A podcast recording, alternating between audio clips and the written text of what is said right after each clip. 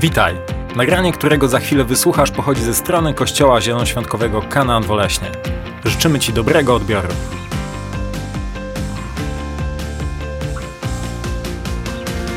Kończę dzisiaj serię Dziś Cisi Mordercy. Jakkolwiek paradoksalnie to brzmi na tą chwilę. Kończę tą serię i ta seria nazywa się Belki i źdźbła. To będzie bardzo życiowe kazanie, ono będzie się tyczyć każdego z nas. I 18 stycznia, kiedy miałem urodziny, wszyscy wielcy ludzie urodzili się właśnie w styczniu. Jak się nie urodziłeś w styczniu, no trudno, no. 18 stycznia, kiedy byłem tutaj na spotkaniu modlitewnym, powiedziałem coś takiego, ludzie, kto urodziny, ludzie składają ci dużo życzeń, dużo fajnych rzeczy, słyszysz, to jest super, ekstra, fajnie, fajnie, ale powiedziałem coś takiego, mówię, że najbardziej interesuje mnie to, co Bóg ma mi do powiedzenia w czasie tych urodzin. A ja się nie zgadzam, że Bóg obchodzi urodziny. Możesz się zgadzać, możesz się nie zgadzać. Nie zgadzać. Bóg moje urodziny obchodzi w taki sposób, że mówi do mnie. A więc e, wieczorem, kiedy wróciłem z tej modlitwy, mówię, Panie Boże, ja już powiedziałem przed kościołem, że czekam, to fajnie by było, jakbyś mi coś dał, ale daj mi coś takiego, co będzie miało potencjał kazania. No i ma. No i ma potencjał kazania. A więc Bóg dotknął mojego serca bardzo mocno. Wiedziałem, że On mówi do mnie, to było tak uwalniające. Dotknął mnie fragmentem z Ewangelii, z Ewangelii Mateusza, 7 rozdział, wersetu od 2 do 5. Mateusza, 7 rozdział, wersetu od 2 do 5. Bo normy, według których sądzicie, odnios, odniosą i do was, a miarą, którą stosujecie, odmierzą również wam. Dlaczego widzisz drzazgę w oku swojego brata, a belki we własnym nie dostrzegasz? Albo jak możesz powiedzieć swojemu bratu, pozwól, że wyjmę drzazgę z twojego oka, gdy belka tkwi w twoim własnym? Obłudniku, usuń najpierw belkę z własnego oka. Tak miło mi się zrobiło na urodziny. Obłudniku, usuń najpierw belkę z własnego oka, wtedy przejrzysz, aby wyjąć drzazgę z oka swojego brata. Kiedy ja to przeczytałem, po prostu mnie ścięło. Po prostu mnie ścięło. Nie ścięło mnie dlatego, że tutaj adresat e, tej wypowiedzi to są uczeni w piśmie. Adresat y, został nazwany przez Chrystusa obłudniku, obłudnymi ludźmi, którzy robią taką jedną rzecz. Widzą małe detale w życiu innych, ale nie widzą potężnych problemów w swoim własnym życiu. I tu jest ta, to źdźbło i ta belka to jest tak zwana hiperbola. To jest po prostu przenośnia, której użył Chrystus, aby pokazać, że największy problem w naszym życiu to my mamy ze sobą. I Chrystus mówi, zanim nie wyciągniesz tej belki, zanim nie pozbędziesz się pewnych problemów ze swojego życia, nigdy nie będziesz klarownie widział. Nigdy nie będziesz klarownie widział. A więc dzisiaj sobie porozmawiamy o belkach i źdźbłach. Jesteś podekscytowany? Pamiętaj, to Bóg mi dał na urodziny to słowo. Ja się tylko dzielę prezentem z wami, bo jestem hojny. I chcę być hojny, także, e, także dzielę się tym z wami. Pierwsza istotna rzecz odnośnie tego fragmentu jest taka, że wszyscy mają albo belki, albo drzazgi. Chrystus nie pokazał tu trzeciej grupy ludzi. Mówi, najpierw wyciągnij sobie źdźbło ze swojego, y, belkę ze swojego oka, zanim będziesz wyciągał źdźbło z, z brata oka. Ale Chrystus nie pokazuje nam żadnej innej kategorii ludzi, bez względu na to, co oni myślą o sobie. Nie ma innej kategorii ludzi. Każdy człowiek ma albo belki, albo źdźbła. Albo masz olbrzymie problemy w swoim życiu, albo masz małe problemy w swoim życiu. Albo masz olbrzymie problemy ze sobą, albo masz małe problemy ze sobą, ale Biblia nigdy w żadnym miejscu nie mówi, że nie masz problemów. List Jakuba, trzeci rozdział, drugi werset, Biblia mówi tak. Wszyscy potykamy się w wielu sprawach. Nie niektórzy. Wszyscy. Wszyscy potykamy się w wielu sprawach. Ten jednak, kto nie uchyba w mowie, jest człowiekiem doskonałym. Potrafi on utrzymać w ryzach całe swoje ciało. To, co, o czym mówi Jakub, brat Pana Jezusa, mówi, wszyscy potykamy się w wielu sprawach. Wszyscy. Wszyscy mamy albo belki, albo drzazgi. Amen? Czy zgadzasz się, że masz belki i drzazgi w swoim życiu? Ja jestem przekonany o tym. Że mam belki i drzazgi w moim życiu. I wiem o jednej rzeczy, jeśli mam belkę w moim życiu, to ona rzutuje absolutnie na wszystko. Nie widzę w klarowny sposób. To, co mówi w, Ewangelii Łukasza Chrystus, 11 rozdział, 34 werset. Posłuchajcie. Tak, taką lampą dla ciała jest oko. Jeśli twoje oko jest zdrowe, całe twoje ciało jest jasne. Lecz jeśli oko słabnie, ciało pogrąża się w ciemności. Chrystus mówi o perspektywie. Chrystus mówi o tym, jak patrzysz, jak postrzegasz rzeczywistość. Chrystus mówi o tym, jak postrzegasz innych ludzi, jak postrzegasz siebie, ale Chrystus mówi, że lampą dla ciała jest oko, jeśli oko, jeśli Twoja perspektywa jest zdrowa, całe Twoje ciało jest jasne. Jeśli Twoja perspektywa, jeśli postrzegasz rzeczy w zły sposób, jeśli postrzegasz ludzi w zły sposób, to to będzie wpływać na Twoje wnętrze. Amen? Ma to sens? No musi mieć sens, to Chrystus to powiedział. I ważna, ważna jest informacja taka, że belka zakrywa ci właściwą perspektywę rzeczywistości. Belka zakrywa właściwą perspektywę rzeczywistości. Wiecie, jak trochę żyjesz z Bogiem, a ja żyję z Bogiem, w tym tygodniu mi minęło w urodziny Moniki 25 lat. Więcej żyję z Panem Jezusem niż bez Niego, także mogę coś powiedzieć. Ćwierć wieku z Panem Jezusem. To już jest nieźle. Chciałbym jeszcze 25 kolejne dożyć, a potem zobaczymy. A potem może. Nie wiadomo, nie, wi nie wiadomo co będzie. Belka zakrywa właściwą, czy Bożą, czyli Bożą perspektywę. Ona zakrywa perspektywę. Jeśli masz belkę w swoim życiu, nie masz czystej perspektywy. Pierwsza belka, którą ludzie mają w swoim życiu, ona jest okropna. Ona totalnie zatruwa absolutnie wszystko w Twoim życiu. To jest uraza. Uraza, czyli nieprzebaczenie. Bez względu na to, kto co zrobił Tobie, jeśli belka urazy jest w Twoim życiu, nigdy, ale to nigdy, nie będziesz widział klarownie. Nigdy. Wiesz, co będziesz widział? Będziesz ciągle i ciągle widział winę innych ludzi, Będziesz widział winę tych, którzy według ciebie cię skrzywdzili, albo nawet tych, którzy cię skrzywdzili, ale nigdy nie będziesz widział klarownie. Będziesz ciągle i ciągle, ciągle i ciągle chodził z tą belką i ona będzie rzutować na wszystko. Nieprzebaczenie wytwarza w naszych sercach nienawiść i skupia nas tylko na naszych wrogach. Kiedy nosisz urazę w sobie, jest w tobie mnóstwo nienawiści, mnóstwo gniewu, który jest bardzo często niekontrolowany. Nie potrafisz przebaczyć, ciągle domagasz się sądu, ciągle sam chcesz wymierzyć ten sąd, ale nie robisz nic innego, jak chodzisz z belką, którą uderzasz wszędzie. Jesteś nie, to jest nierealne, aby ktokolwiek w Twoim życiu zbudował z Tobą zdrową relację. Nierealne. Bo ty jesteś tak zafiksowany, jesteś tak skupiony na swoich wrogach, na swojej urazie, że ty świata nie widzisz. I później dochodzi do paranoi, że twój człowiek, jakiś tam znajomy, który, bo wszyscy popełniamy mnóstwo błędów, ktoś zrobił coś złego względem ciebie, dzieje mu się krzywda, a ty się z tego cieszysz. Co bardzo mocno pokazuje stan twojego serca. Uraza to jest belka, która niszczy przede wszystkim ciebie która niszczy wszystko dookoła ciebie. To jest ciekawe, co jest napisane w pierwszej księdze Mojżeszowej. Na samym początku jest pokazana kwestia urazy. Czwarty rozdział, wersety od 5 do 7. Kaina zaś jego ofiarę nie przyjął. Kain rozgniewał się bardzo z tego powodu i posmutniał. Wówczas Pan zapytał Kaina, dlaczego jesteś zagniewany? I dla, dla, dlaczego tak posmutniałeś? Gdybyś postępował właściwie, czyż wszystko nie byłoby w porządku? Ponieważ jednak tak nie postępujesz, u progu czyha grzech. Chciałby tobą zawładnąć, ale ty masz nad nim panować. Wiemy o tym, że Bóg przyjął ofiarę Abla, ponieważ to były pierwociny. Ale, nie, ale Bóg odrzucił ofiarę Kaina. Totalnie powiedział, ja tego, tego to nie chcę, tego nie przyjmuję, bo nie, to nie są pierwociny. To nie są pierwociny, które składasz w ofierze. Bóg odrzucił ofiarę Kaina, Bóg odrzucił ofiarę Kaina i w tym momencie, w tym momencie w sercu Kaina pojawiła się uraza do dwóch osób. Do Pana Boga i pojawiła się uraza do Abla. Ciekawe jest to, że Bóg patrząc na Kaina zadaje mu pytanie, dlaczego jesteś taki zagniewany?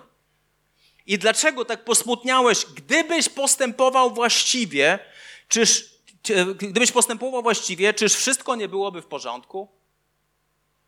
Pamiętaj, uraza niszczy ciebie. Ona zjada ciebie jak rak od wewnątrz. Ona powoduje, że nie widzisz rzeczywistości. Ty widzisz tylko siebie. Ty widzisz tylko swój ból. Jak Kazik śpiewał, mój ból jest większy niż twój ból. To jest właśnie człowiek z urazą, właśnie tak śpiewam. Fajnie, że odczuwasz ból, ale mój ból jest większy niż twój ból.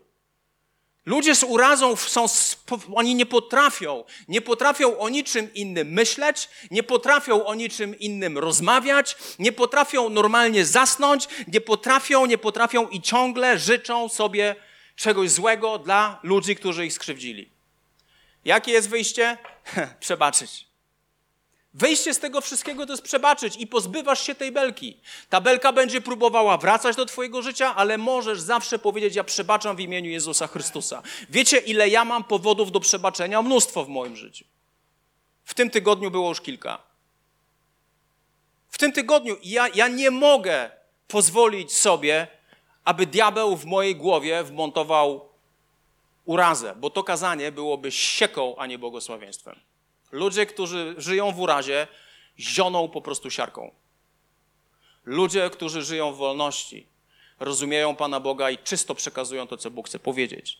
Druga belka to jest niewiara. Niewiara. Mateusza 18 rozdział, werset trzeci. I powiedział: Zapewniam was, jeśli się nie nawrócicie i nie staniecie się jak dzieci, na pewno nie wejdziecie do Królestwa Niebios. Nie wiem, czy zauważyłeś, ale jak obiecasz coś dziecku, to ono o tym bardzo mocno pamięta i ciągle ci przypomina, że co? Obiecałeś. Ale obiecałeś. Ale obiecałeś. Ale powiedziałeś. Niewiara to jest coś, co jest, to jest nic innego jak trywializowanie pewnych rzeczy, jak bycie sceptycznym i najgorsza rzecz jest taka, że stajesz się cyniczny, jeśli niewiara zamieszka w twoim sercu. No, no, no, tak, tak. Mhm. Na pewno mnie Bóg uzdrowi. Mhm, na pewno. Tak, tak, na pewno Bóg to zrobi. No, no, no, na pewno. Niewiara wyssie z ciebie absolutnie wszystko. Belka niewiary wygląda inteligentnie, ale jest niczym innym, jak zlepkiem demonicznym pseudo-intelektualnej diabelskiej mądrości. Pamiętaj, niewiara, ilekroć w Twoim życiu pojawia się niewiara, trywializujesz. Nie, to się nie stanie. Nie, to się nie, nie to, to się nie stanie. Jesteś sceptyczny. Jesteś cyniczny. Wiecie, że my ten budynek postawimy, kościół postawimy, nasz budynek powstanie. Amen? I nie dopuszczaj żadnej innej myśli. On powstanie czy z tobą, czy bez ciebie, czy ze mną, czy bez mnie. Po prostu powstanie, bo tutaj chodzi o coś więcej. Ja po prostu nie mogę sobie w moim życiu i ty sobie nie pozwalaj sobie na to, aby wyjść z bańki wiary. Bańka wiary to jest nic innego, który jest, to jest świat wypełniony Bożym myśleniem, to jest świat wypełniony Bożym Słowem, to jest świat wypełniony Bożymi obietnicami. Ja nie chcę żyć w oparciu o ludzkie obietnice, nie chcę żyć w oparciu o, o, o cokolwiek, co mi cokolwiek obiecuje. Ja chcę żyć w oparciu o to, co mówi do mnie Bóg bo Słowo Boże ma potężny potencjał, aby niszczyć całkowitą niewiarę w naszym życiu. Kolejna rzecz, dlatego Chrystus mówi: bądźcie jak dzieci. Bądźcie jak dzieci. Możesz zaufać Bogu ślepo. Możesz całkowicie zaufać Bogu. Możesz całkowicie Mu zaufać. On zapłacił cenę za to, żebyś ty był zbawionym człowiekiem, jeśli tylko przyjąłeś zbawienie. On zapłacił za to, pokazał ci, jak bardzo cię kocha, a po drugie, on cię nigdy nie zawiódł. On może rozczarował twój sposób myślenia, ale on obiektywnie cię nigdy nie zawiódł. Trzecia, trzecia belka, straszna, bardzo popularna wśród chrześcijan, to jest belka niedowartościowania. Ojejku, ojejku. Ja, ja powiem wam, w moim życiu największa belka, która była w moim życiu, to jest niedowartościowanie. Myślę, że, że wygrywam z tym, jestem świadomy tego, rozumiem pewne rzeczy, ale niedowartościowanie to jest nic innego jak porównywanie się. Kiedy się porównujesz, to pokazuje, że jesteś niedowartościowanym człowiekiem, że nie doceniasz tego, kim jesteś w Chrystusie, nie doceniasz tego, kim Chrystus uczynił ciebie. Nie potrafisz zrozumieć, że to Pan wyszedł, jednemu dał pięć talentów, drugiemu dał dwa, a trzeciemu dał jeden. To On wybrał, a nie ty. I nie jesteś w stanie nic zrobić, aby wytworzyć, aby wykręcić rękę Panu Bogu, abyś miał więcej talentów. Nie, Bóg zadecydował. Ty musisz zacząć żyć w odpoczynku. Kiedy się porównujesz, to ciągle wykazujesz jedną rzecz. Jesteś, pokazujesz, że jesteś niedowartościowanym człowiekiem. Jest dysfunkcja niedowartościowania w Twoim życiu. Druga rzecz, która jest w niedowartościowaniu, jest taka, że Ty nie lubisz siebie. Ja lubię siebie. Uważam, że ja i Sławek Jagieła to jest naprawdę spoko ekipa. My się dobrze mamy ze sobą. Wiecie, to jest takie trywialne, naprawdę trywialne, a z drugiej strony to przynosi potężną wolność. Ludzie nie lubią siebie, bo mają za duże uszy, za krzywe nosy, albo są za niscy, albo są za wysocy, albo to nie tak, albo to nie tak. Nie potrafisz zaakceptować siebie. Myślisz, że Bóg, który tworzy cały świat, umieścił każdą gwiazdę we wszechświecie. Myślisz, że ten Bóg popełnił jakiś błąd z wielkością Twoich zębów? Myślisz? Każdy płatek śniegu jest unikalny. Wiecie, ja tego nie rozumiem. Patrzysz na przykład na, nie wiem, na, na, na ludzi, którzy się tam wywalają w Instagramie, patrzysz na nich, to są obiektywnie piękni ludzie. Po co im jakieś filtry? Po co coś tam usuwać? Ja wczoraj popatrzyłem w lustro, mówię, kurde, zaczyna mieć zmarszki. Ja mówię, ja pierniczę po prostu Córka się zaręczyła. Zarąbiście. Nie wiadomo, co się jeszcze w tym roku wydarzy. Naprawdę. Tak Facebook mówi. Facebook zawsze mówi prawdę. Ja mówię, Panie Boże, ja się naprawdę, naprawdę, Krysia się starzeje, naprawdę. nie, nie, to jest po prostu ale w tym wszystkim powiem Wam, że chcę się cieszyć tym, co nadchodzi, bo nie będę walczył z tym, że się starzeję. To jest absurdalne. Będę raczej e, starał się cieszyć tym, co. To wszystko jest nowe. Pojawia się nagle jakiś obcy człowiek w Twoim domu. Na razie mówisz do niego Sebastian, a za jakiś czas będę mówił do niego też na S, ale nie Sebastian, ale synu. Jedyne, co jest piękne w moim synu teraz, to jest 43 w bicepsie. Niedowartościowanie to jest brak akceptacji. Niedowartościowanie, dobra, niedowartościowanie to jest brak akceptacji siebie. Niedowartościowanie to jest pomniejszanie innych. To jest ciągłe, ciągłe. Ja, ja na to po prostu, to, jest, to była moja choroba. Ciągle pomniejszać innych. Pomniejszać, pomniejszać, pomniejszać, pomniejszać. I wkurzali mnie ludzie, którzy mnie powiększali, a ja po prostu nie, nie potrafiłem nawet tego oddać, żeby kogoś powiększyć, bo moje niedowartościowanie prowadziło mnie do tego, aby ciągle pomniejszać ludzi. No fajnie, ale ja to, ale ja to, ale my to, ale to. To jest chore. Niedowartościowanie ciągle i ciągle nie pozwala ci cieszyć się z tego, co masz. Nie ma w ogóle zadowolenia, nie ma, nie ma satysfakcji, jest, jest, jest ciągle pomniejszasz albo powiększasz siebie. Ciągle powiększasz siebie. Niedowartościowanie to jest nic innego jak bardzo narcystyczne podejście do siebie. Powiem ci, problem masz wtedy. Wiecie, wiecie kiedy masz, mamy największy problem? Że myślimy, że my nie mamy żadnych błędów, że my nie mamy żadnych wad, że my nie mamy nic do naprawienia, że my nie przepraszamy. Wtedy mamy potężny problem. Wtedy mamy potężny problem. Belka niedowartościowania nie pozwoli ci budować normalnie życia. To jest życie w niewoli, na którą sobie sam pozwoliłeś. Ty sam się zamknąłeś w klatce, ty masz kluczyk, ale nie. Pierwszy klucz do wyjścia z niedowartościowania to jest samoświadomość, że to w ogóle masz. Ja się naczytałem o niedowartościowaniu, powiem wam, wiem wszystko. Wiem wszystko o niedowartościowaniu. Pracujemy nad tym z Duchem Świętym. Nie mówię, że jest super, ale idziemy w dobrą stronę. Kolejna belka to jest chciwość.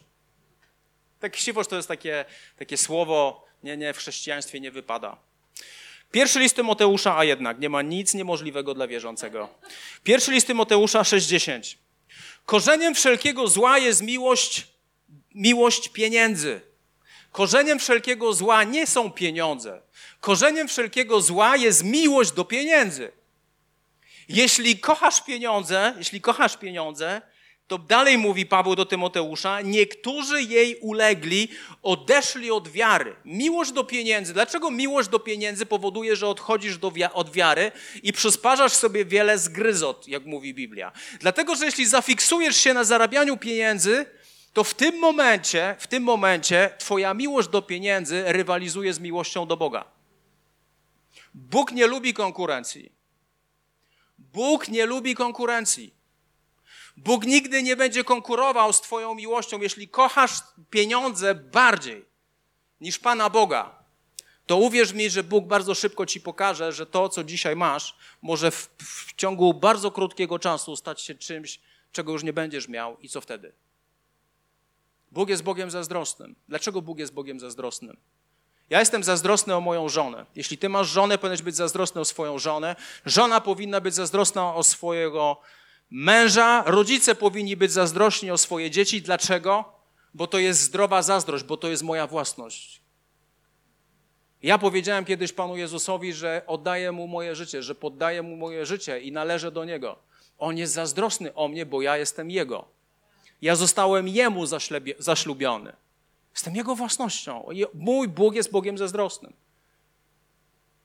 Ta zazdrość jest czysta, jest piękna.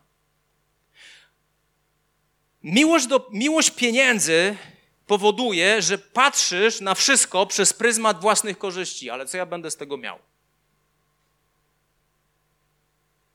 Ale co ja będę z tego miał?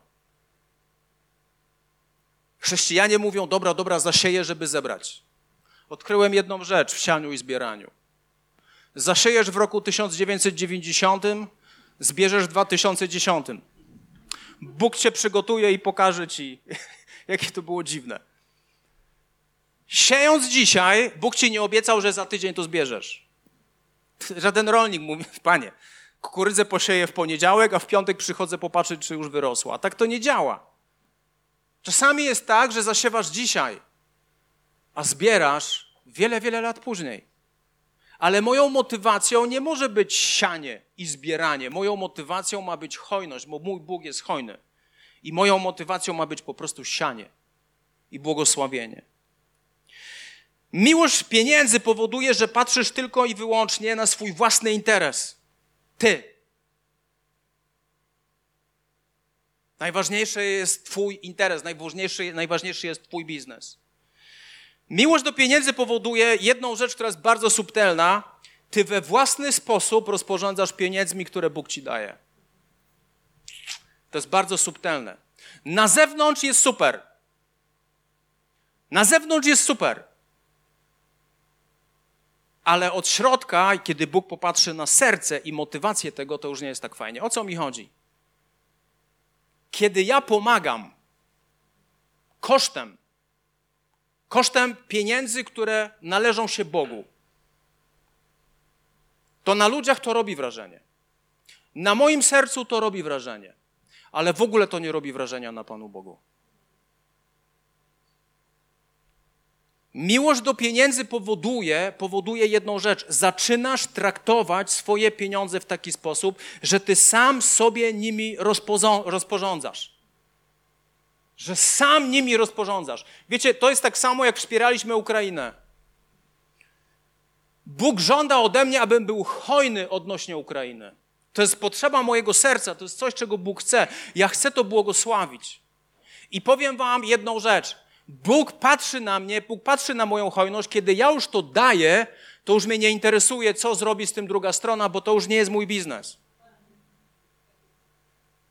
Jeśli ja chcę kontrolować pieniądze, które daję, to nie jestem hojnym człowiekiem, tylko jestem manipulantem. Miłość pieniądza jest bardzo, bardzo subtelna. Robi, to możesz na zewnątrz robić wrażenie, ale wewnątrz Bóg widzi wszystko. Bóg kiedyś, kiedy staniemy przed Bogiem, będziemy przed Nim nadzy, jeśli chodzi o nasze serce. To jest taka jedna kluczowa rzecz. Jeśli nie mamy bojaźni przed Bogiem, to żyjemy po prostu w taki sposób, że to jest jeden wielki performance. A Bóg widzi nasze serca. Ja dziękuję Bogu za to, że ja nie widzę kąt kościoła. Ja dziękuję. Nie by to wykończyło po prostu. Ale powiem wam, hojność tego kościoła jest zbudowana, tyle wiem, w oparciu o wielu ludzi, którzy są po prostu niesamowicie hojni od lat. Hojność tego kościoła, to, że idziemy w ten budynek, to, że, to, że, ma, że, że nie boimy się tego, to, że wiemy, że, że, że damy radę, to jest spowodowane również nie tylko Panem Bogiem, że głównie Panem Bogiem, ale tym, że są ludzie w tym kościele, którzy są i sercem, pieniędzmi, czasem, absolutnie wszystkim, że im zależy na budowaniu Bożego Królestwa. Miłość, miłość pieniędzy to jest belka, która cię tak zafiksuje, że nie patrzysz, wiecie, a nie, tego już nie powiem. Miałem taką możliwość kiedyś być w takiej organizacji, to są MLM-y, tak? To jest piramida finansowa. Powiem ci, masz relacje z ludźmi tylko po to, aby zrobić na nich biznes. A później przychodzisz i mówisz, nie wiem, czy słyszałeś kiedyś o Jezusie Chrystusie. I ten człowiek cię pyta, a jaki, a jaki w tym biznes ty masz? Nie można traktować ludzi przedmiotowo, nie można traktować ludzi instrumentalnie. Miłość do pieniędzy posuwa cię po prostu do rzeczy, które są straszne. Kolejna belka to jest po prostu egoizm. To jest czysty egoizm. List do Filipian, drugi rozdział, dwudziesty werset. Nie ma nikogo, kto by myślał podobnie jak on, kto by tak rzetelnie mógł się wami zająć. Wszyscy inni krzątają się wokół własnych spraw, nie spraw Chrystusa Jezusa. Paweł mówi o Tymoteuszu. To jest świetna rzecz, którą on powiedział o Tymoteuszu. Paweł czasami coś powiedział w taki sposób, że ta osoba, do której to powiedział, czuła się dobrze, ale zdyskwalifikował całą resztę. Tak? No, to jest przykład takiej wypowiedzi. Nie mam nikogo, kto by myślał podobnie jak on, kto by tak rzetelnie mógł się wami zająć. Wszyscy inni krzątają się wokół własnych spraw, nie spraw Chrystusa Jezusa. Egoizm to jest skupienie się na sobie w tak potężny sposób, że ty tego nie widzisz, kiedy masz tą belkę egoizmu, ale wszyscy inni z boku to widzą. Egoizm jest tak potężną belką, która spowoduje, że będziesz szedł pod dyktando egoizmu. Wszystko ma być po mojemu i wtedy jest dobrze. Wtedy ma być po mojemu i wszystko jest dobrze. A jak nie jest po mojemu, no to już jest źle. To jest typowy egoizm. To jest typowy egoizm. Kiedyś był taki zespół popularny, nazywał się Me, Myself and I. Czyli ja, ja, ja. Wszystko się kręci wokół mnie. Wszystko się kręci wokół mnie. Wszystko musi być tak, jak ja chcę. To jest, to jest, powiem ci, nie jesteś zdolny do żadnej relacji z drugim człowiekiem, jeśli jest w tobie egoizm, jeśli jest w tobie ta belka, która krzyczy w tobie. Tu chodzi o mnie. Ale co ja będę z tego miał? Ale tu chodzi o mnie. Jest coś takiego jak syndrom jedynaka. Ja coś takiego mam. Mój brat jest starszy 17 lat, moja siostra jest starsza 13 lat ode mnie. No ja byłem sam jak palec, tak? Miałem swój pokój, duży swój pokój. Lepiej miałem, jeśli chodzi o pomieszczenia, kiedyś niż mam teraz. Teraz dużo tych ludzi. Powiem wam, doszło do takiej paranoi, do takiej paranoi, że ja wracałem ze studiów i w sobotę rano się budziłem łaskawie i moja mama przynosiła mi śniadanie do łóżka. Dzisiaj, dzisiaj, gdyby mój Filip poprosił mnie, żebym ja mu przyniósł śniadanie do łóżka, to pierwsza rzecz, którą by usłyszał, to by mu powiedział, chyba cię człowieku powaliło już po całości. Tak, po całości. Do łóżka, śniadanie, to jest syndrom jedynaka. My mamy niebezpieczeństwo z naszym Filipem. On ma 11 lat, Madzia ma więcej i Tymon ma dużo więcej. I on jest taki rozpieszczony. Jest taki, to się na wsi mówi, rozpieszczony jak dziadowski bicz. Rozpuszczony, rozpieszczony I, i nasze dzieci mówią, a, on może wszystko, my nie mogliśmy, co to w ogóle za porządki. Powiem wam, jak masz trzecie dziecko, to już ci się nie chce. Już ci się nie chce w to bawić, nie?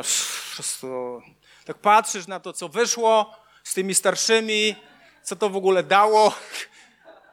Sera, sera, niech jest jak jest. Ale be, belka egoizmu to jest, że wszystko się kręci wokół mnie. Wszystko, to jest taki syndrom, wszystko się kręci wokół mnie. Paranoja. Belka doświadczenia. Z jednej strony pozytywna, a z druga negatywna. Negatywna z tego powodu, że na wszystko patrzysz przez pryzmat Twojego życia. Nie przez pryzmat Biblii, ale patrzysz na pryzmat swojego życia.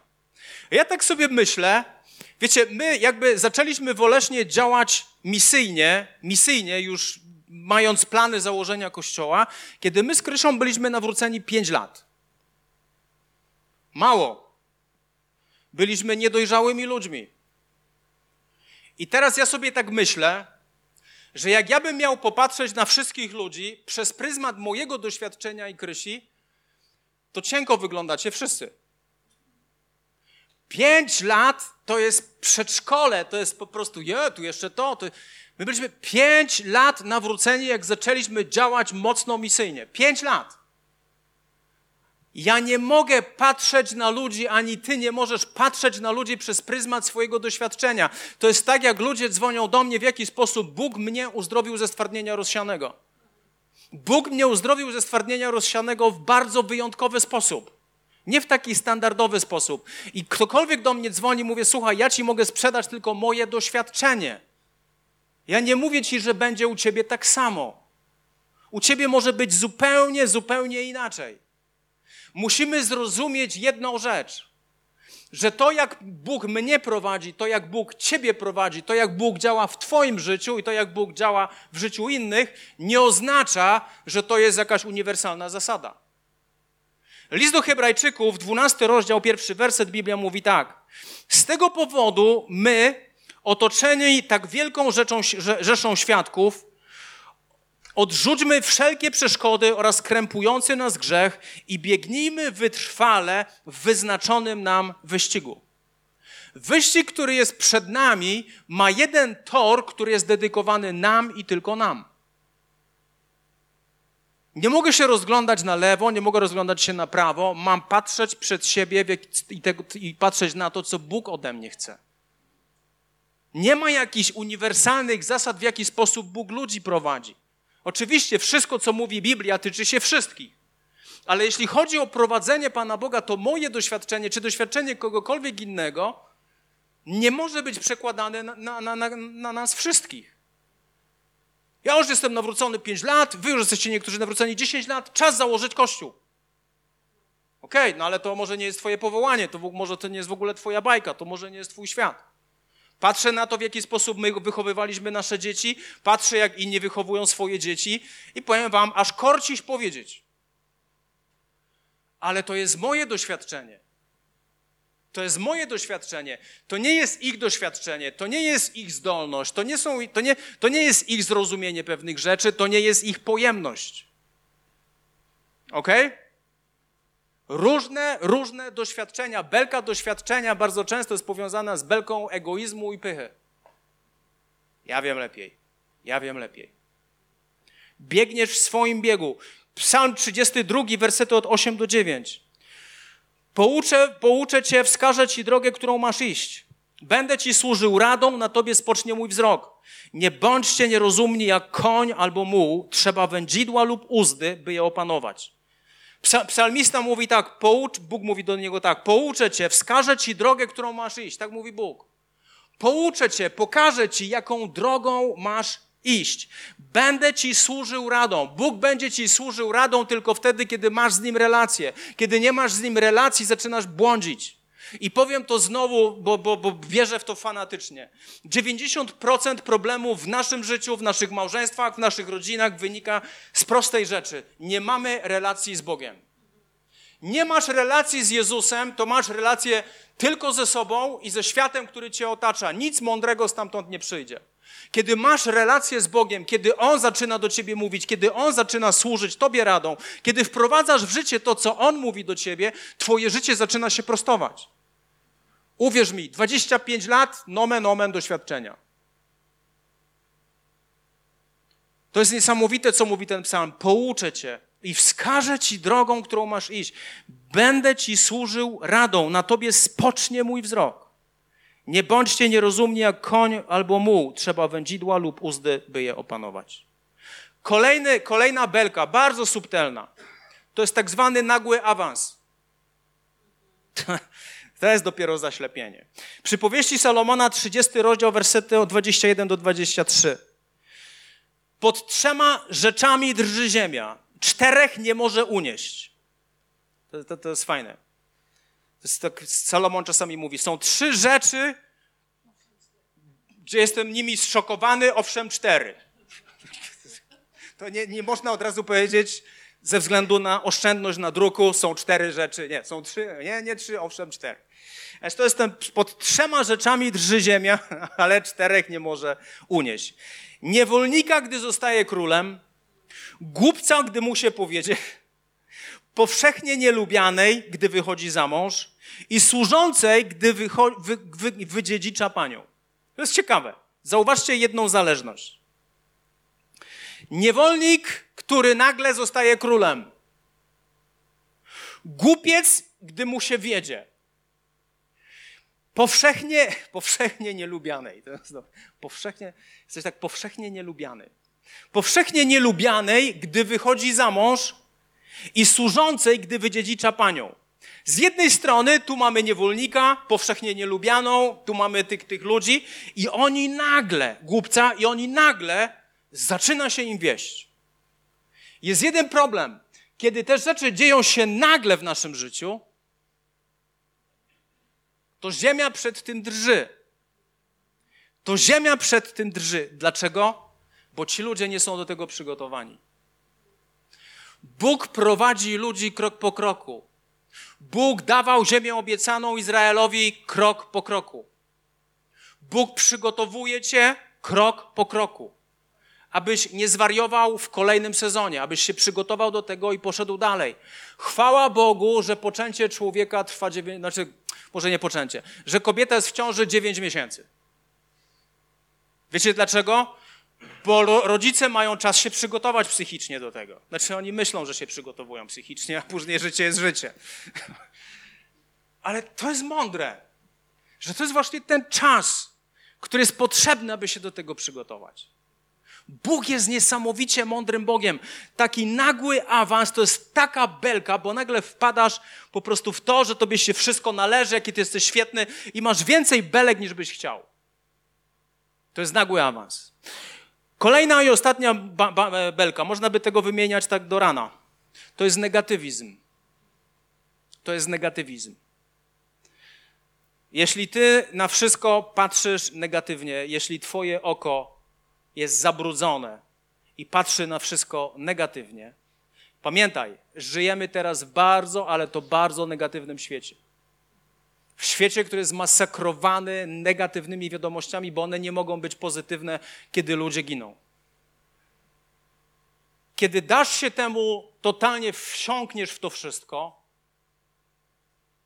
to nagle, czy tego chcesz, czy tego nie chcesz, pat, zaczniesz patrzeć na wszystko bardzo negatywnie. Ciekawe jest to, co mówi Paweł w liście do Filipian w czwartym rozdziale, wersecie 8-9. To jest list, który był pisany w więzieniu. Jakiś średni klimat. I Paweł mówi: W końcu, bracia, rozmyślajcie o tym, co jest prawdziwe, szlachetne, sprawiedliwe, czyste, miłe, godne polecenia. Może uchodzić za wzór i zasługuje na uznanie. Następnie wprowadzajcie w życie to, czego nauczyliście się, co przejęliście, o czym usłyszeliście i co widzieliście u mnie, a Bóg pokoju będzie z wami. Paweł mówi, myśl pozytywnie. Tu nie chodzi o jakiś New Age. Myśl, co to są pozytywne rzeczy? Pozytywne rzeczy to jest Boże Słowo. Pozytywne rzeczy to jest to, kiedy Bóg mówi do ciebie. Pozytywne rzeczy to jest to, kiedy słuchasz tego, co Bóg ma do powiedzenia na dany temat. To są pozytywne rzeczy. One powodują w tobie. Ja mam w moim życiu coś takiego, że jestem hipernegatywny bez relacji z Bogiem. Hiper. To jest odczuwalne, szczególnie dla mojej, dla mojej żony. To jest odczuwalne. Kiedy nie mam relacji z Bogiem, automatycznie staję się hipernegatywny. Ale kiedy mam relację z Jezusem, kiedy mam relację z Jego Słowem, moje życie jest usta ustawione we właściwym miejscu. Inaczej patrzę na świat. To są belki. Kochani, prawda jest taka, usuń najpierw belkę. Zajmij się swoimi belkami, zanim zaczniesz wyciągać drzazgi w życiu innych ludzi. Najpierw, najpierw zajmij się swoimi belkami. Najpierw zajmij się tymi wszystkimi rzeczami, o których mówiliśmy. Najpierw zajmij się tym, co Bóg ci pokazuje, że jest poważną belką w Twoim życiu. Wiecie, w rezultacie to jest takie głupie, jak ty masz belkę, zaczynasz być jej świadomy i widzisz, że ta belka tak naprawdę niszczy ci relacje dookoła i ty myślisz, że ty komuś robisz krzywdę. Ty nie robisz dookoła ludziom krzywdy tak wielkiej, jak robisz sobie. Bóg nie jest w stanie dać ci pewnych rzeczy, jeśli ciągle chodzisz z belką. Bóg nie, nie da ci pewnych rzeczy, dopóki, nie, do, do, dopóki nie, nie wyciągniesz pewnych belek ze swojego życia. Zajmij się swoimi belkami, zanim zaczniesz wyciągać drzazgi. Pozbądź się wielkich rzeczy, zanim zaczniesz zajmować się małymi rzeczami. Powiem Ci tak, że kiedy żyjesz z Bogiem, to jesteś coraz bliżej światła. Coraz bliżej światła. Kiedy zbliżasz się do, z tej perspektywy, nie widać włosia od mojego psa na moich nogawkach, a one na 100% tu są. Nie widać, bo mam dystans do światła. Ale kiedy przybliżasz się do światła, kiedy przybliżasz się do światła, im bliżej jesteś, widzisz każdą plamę, widzisz każde włosie, widzisz Garego tutaj wszędzie na swoich nogach. Widzisz. Do czego ja zmierzam?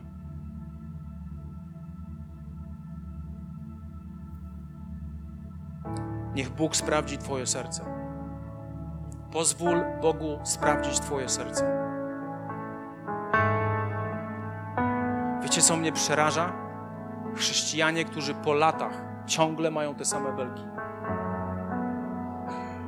Ciągle te same belki, ciągle te same zachowania, ciągłe, jak to mówią Amerykanie, ten sam drive w życiu. Ciągle, ciągle, ciągle, ciągle to samo. Ci ludzie robią sobie krzywdę. Kiedy my mamy belki, my sobie robimy krzywdę.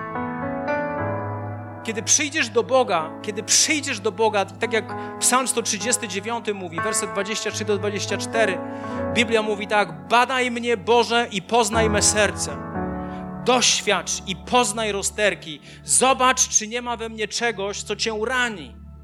To jest niesamowite. Panie, zobacz, czy nie ma w moim sercu czegoś, co cię rani. I prowadź mnie drogą wypróbowaną od wieków. Wiecie, wiecie, jak bardzo mnie boli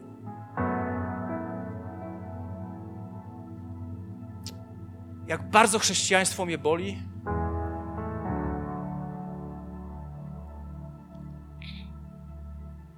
Bo ja w tym jestem 25 lat.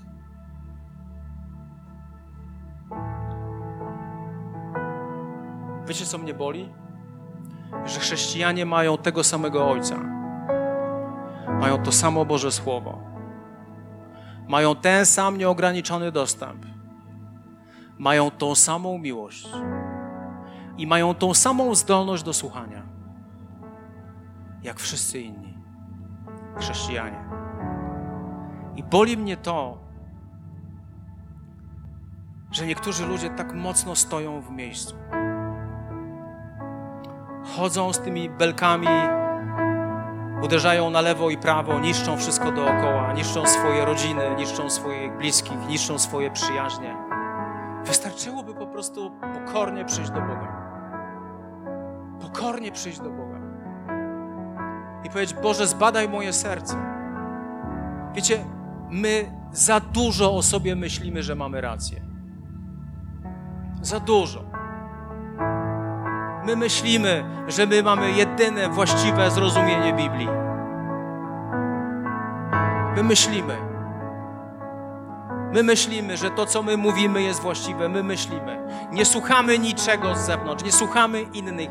My wiemy lepiej. Diabeł pływa i czuje się doskonale w Twoim egoizmie. Wystarczy przyjść do Boga i powiedzieć: Panie, zbadaj moje serce, poznaj je. Po hebrajsku słowo poznać to jest intymna więź. To jest intymna, to jest intymna bliskość. Panie, doświadcz, poznaj moje rozterki. Zobacz, czy nie ma we mnie czegoś, co Cię rani. Przyjdź do, do Boga. Następnie zapisz sobie to, co Bóg Ci pokazał. Uwierz mi, Bóg Ci pokaże wszystkie belki w Twoim życiu. On Ci będzie pokazywał je w odpowiedniej kolejności, bo nie da się wszystkich belek wyciągnąć naraz z Twojego życia. To jest proces. Bóg wyciągnie jedną belkę. Kiedy pozbędziesz się jej, mówi: Teraz weźmiemy tą belkę, a teraz weźmiemy tą belkę, a teraz weźmiemy tą belkę, a teraz weźmiemy po kolei. Po kolei. Kiedy Bóg już sprawdzi swoje serce, zapisz sobie to. Poświęć czas, przestań traktować chrześcijaństwo na zasadzie niedziela idę do domu i koniec. To nie jest chrześcijaństwo, to jest religijność. Zapisz sobie to, co Bóg ci pokaże. Jesteś tylko ty i Bóg, zapisz to sobie. A następnie znajdź fragment, to nie jest skomplikowane, znajdź fragment Bożego Słowa, który odnosi się do Twojego problemu. I zacznij ten fragment wyznawać nad swoim życiem. Zobaczysz, jaka jest niesamowita siła Bożego Słowa, kiedy każdego dnia będziesz kilka razy powtarzał sobie jeden fragment Bożego Słowa, który odnosi się do Twojej belki. Kiedy złapiesz samoświadomość w swoim życiu, to jest tak uwalniające. Ale to nie wystarczy. Potrzebujesz ingerencji Bożego Słowa, które zacznie niszczyć to, co diabeł w Twoim życiu budował tak długi czas, wstawiając Ci belkę do oka. Kolejna rzecz jest taka, że na bieżąco wyznawaj swoje grzechy Panu Bogu. Pierwszy list Jana, pierwszy rozdział, dziewiąty werset do dziesiątego. Jeśli przyznajemy się do naszych grzechów, On jest wierny i sprawiedliwy. Przebaczy nam grzechy i oczyści nas od wszelkiej nieprawości. Gdybyśmy powiedzieli, że nie ciąży na nas grzech, robilibyśmy z niego kłamcę, nie byłoby w nas Jego słowa. Proste. Jan mówi: Jeśli przyznajemy się do naszych grzechów, On jest wierny i sprawiedliwy, przebaczy nam nasze grzechy. Nie tylko przebaczy, ale oczyści nas od wszelkiej nieprawości. Gdybyśmy powiedzieli, że nie ciąży na nas grzech, robilibyśmy z niego kłamcę i nie byłoby w nas Jego słowa. Wyznawaj na bieżąco swoje grzechy. Nie pozwól, aby jakiś dzień minął w Twoim życiu w taki sposób, że nie spojrzysz w swoje serce, że nie spojrzysz, co zrobiłeś. Nie bój się, Bóg chce, abyś na bieżąco wyznawał Mu grzechy. Jeśli coś zobaczysz. I ostatni duży punkt jest taki. Wyciągając belkę ze swojego oka, zaczniesz prawdziwie pomagać innym ludziom. To jest nagroda dla tych, którzy podjęli się trudu wyciągania belek ze swojego życia. W tym momencie, kiedy zaczniesz wyciągać belki ze swojego życia, popatrzysz na zachowanie jednego człowieka i mówisz, ale to jest, przyczyną tego jest to i to, sam przez to przechodziłem. Wiecie, ilekroć, ilekroć z kimś rozmawiam, kiedy naprawdę jesteś zainteresowany wyciąganiem belek i robisz to w swoim życiu, ilekroć z kimś rozmawiam i pojawiają się jakieś rzeczy, zaczynam widzieć, gdzie jest problem. Kiedy zaczynam widzieć, gdzie jest problem, to nie krzyczę do tej osoby, a, bo to, bo tamto, tylko wiem, jak jej pomóc.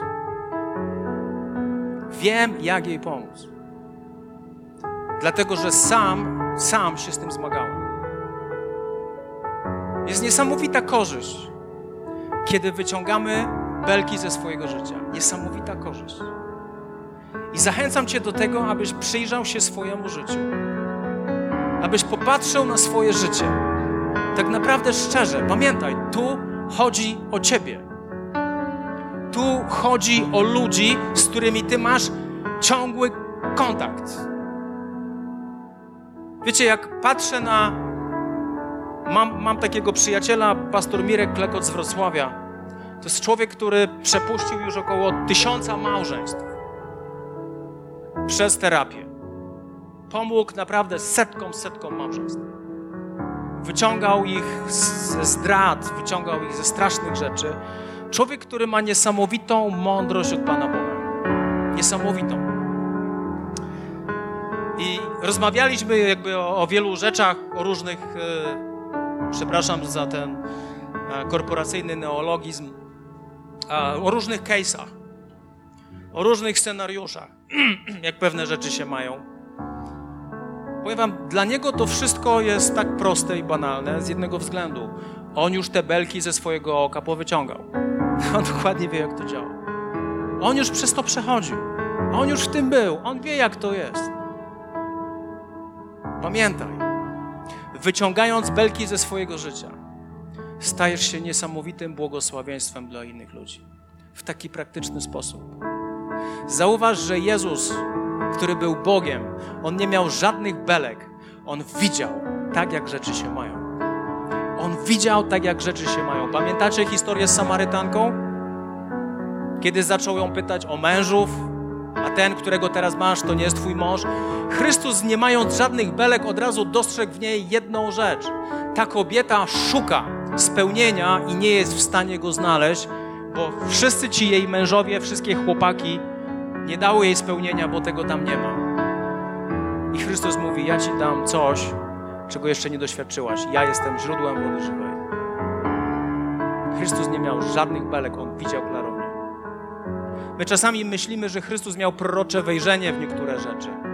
Niekoniecznie. Chrystus po prostu miał czysty obraz rzeczywistości naszych serc. Czujesz się zachęcony ze względu, jeśli jesteś rodzicem, ze względu na swoje dzieci. Wyciągaj belki, bo belki są dziedziczne. Dzielki, dzie, belki są dziedziczne. Twoje dzieci będą przejmować Twoje belki, bo one widzą Twoje zachowanie. Jak już masz dorosłe dzieci, jak patrzę na Madzie, jak patrzę na Tymona, mówię, Boże, tyle takich rzeczy, nad którymi Ty pracujesz w moim życiu, jest ciągle w nich. Bo one się tego nauczyły. Wyciągaj belki. Chrystus chce przynieść Ci wolność. Amen? Jesteś tym zbudowany, zdołowany.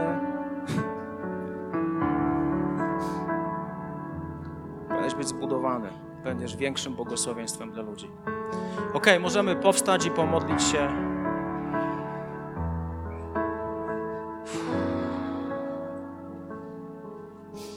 Panie Jezu, ja modlę się teraz o każdą osobę, która tutaj jest.